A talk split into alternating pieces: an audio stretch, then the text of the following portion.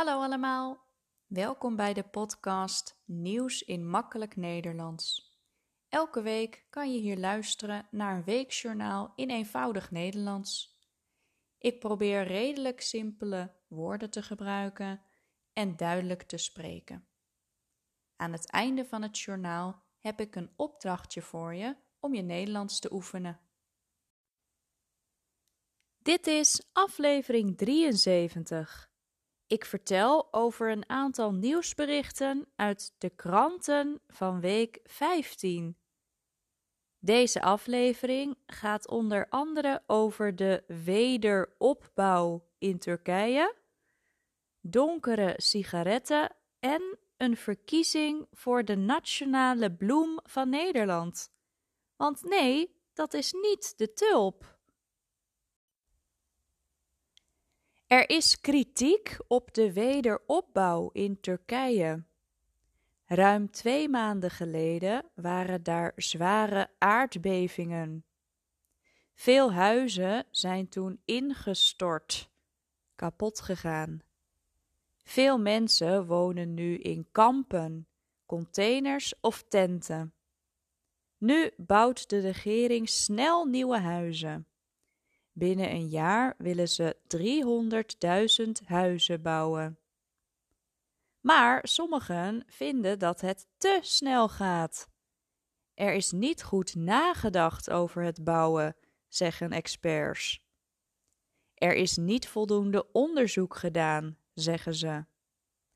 Zo bouwen de Turken huizen op vruchtbare landbouwgrond. De Turkse regering zegt dat er wel goed onderzoek is gedaan. In Soudaan zijn gevechten tussen verschillende groepen. Vooral bij de hoofdstad Khartoum zijn zware gevechten en explosies. Boven de stad hangt dikke zwarte rook. Meer dan 61 burgers en tientallen militairen zijn gedood. Honderden mensen zijn gewond geraakt. Er is niet genoeg plaats in de ziekenhuizen. Twee jaar geleden werd het leger de baas in Soudaan. Maar een andere militaire groep, de RSF, vindt dat niet goed. Zij willen de baas zijn. Daarom wordt er nu dus gevochten in het land. De burgers zijn bang dat het nog lang gaat duren. Beide groepen hebben veel soldaten en veel wapens en ze willen niet met elkaar praten. Donkere sigaretten zijn minder aantrekkelijk dan witte sigaretten. Dat zegt het RIVM, het Rijksinstituut voor Volksgezondheid en Milieu. Zij doen onderzoek naar gezondheid en milieu in Nederland. Het RIVM heeft onderzocht hoe sigaretten minder aantrekkelijk kunnen worden gemaakt. Zo zou een donkere kleur kunnen helpen. Mensen associëren een donkere kleur met een sterke smaak en hoge schadelijkheid. Maar in de wet staat nu dat sigaretten wit moeten zijn. Dus de wet moet misschien aangepast worden.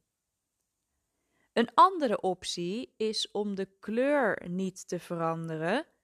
De sigaretten blijven dus wit, maar er wel een waarschuwing op te zetten.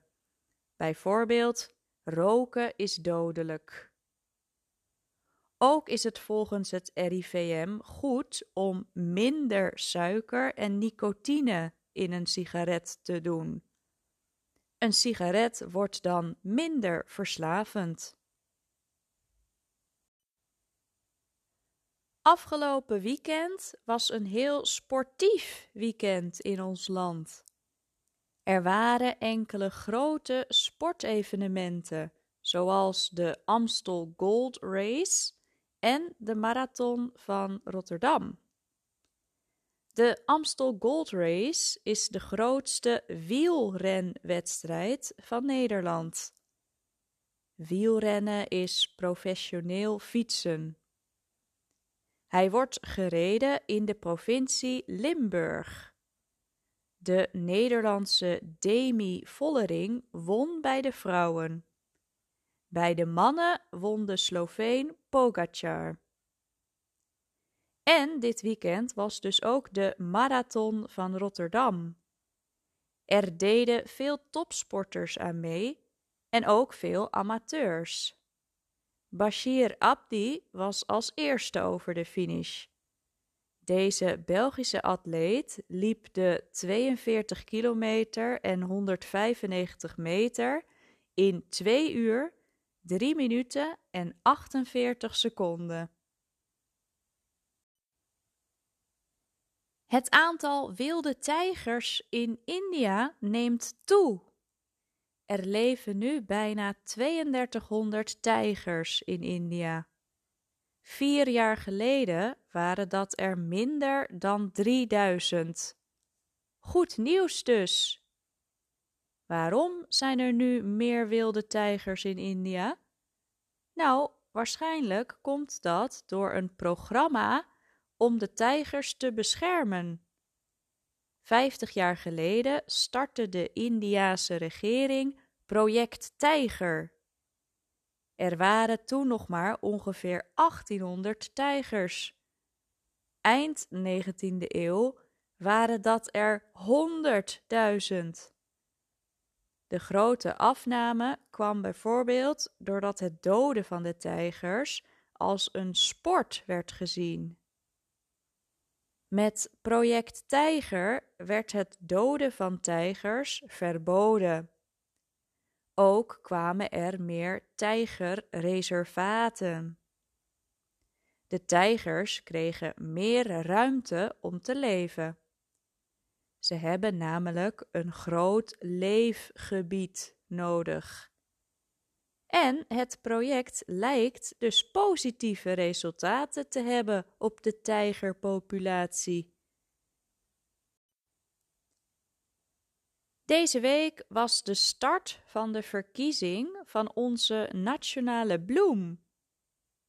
Veel mensen denken dat de tulp onze nationale bloem is, maar dat is niet zo. Het is de nationale bloem van Turkije en Hongarije. Ook veel andere Europese landen hebben een nationale bloem.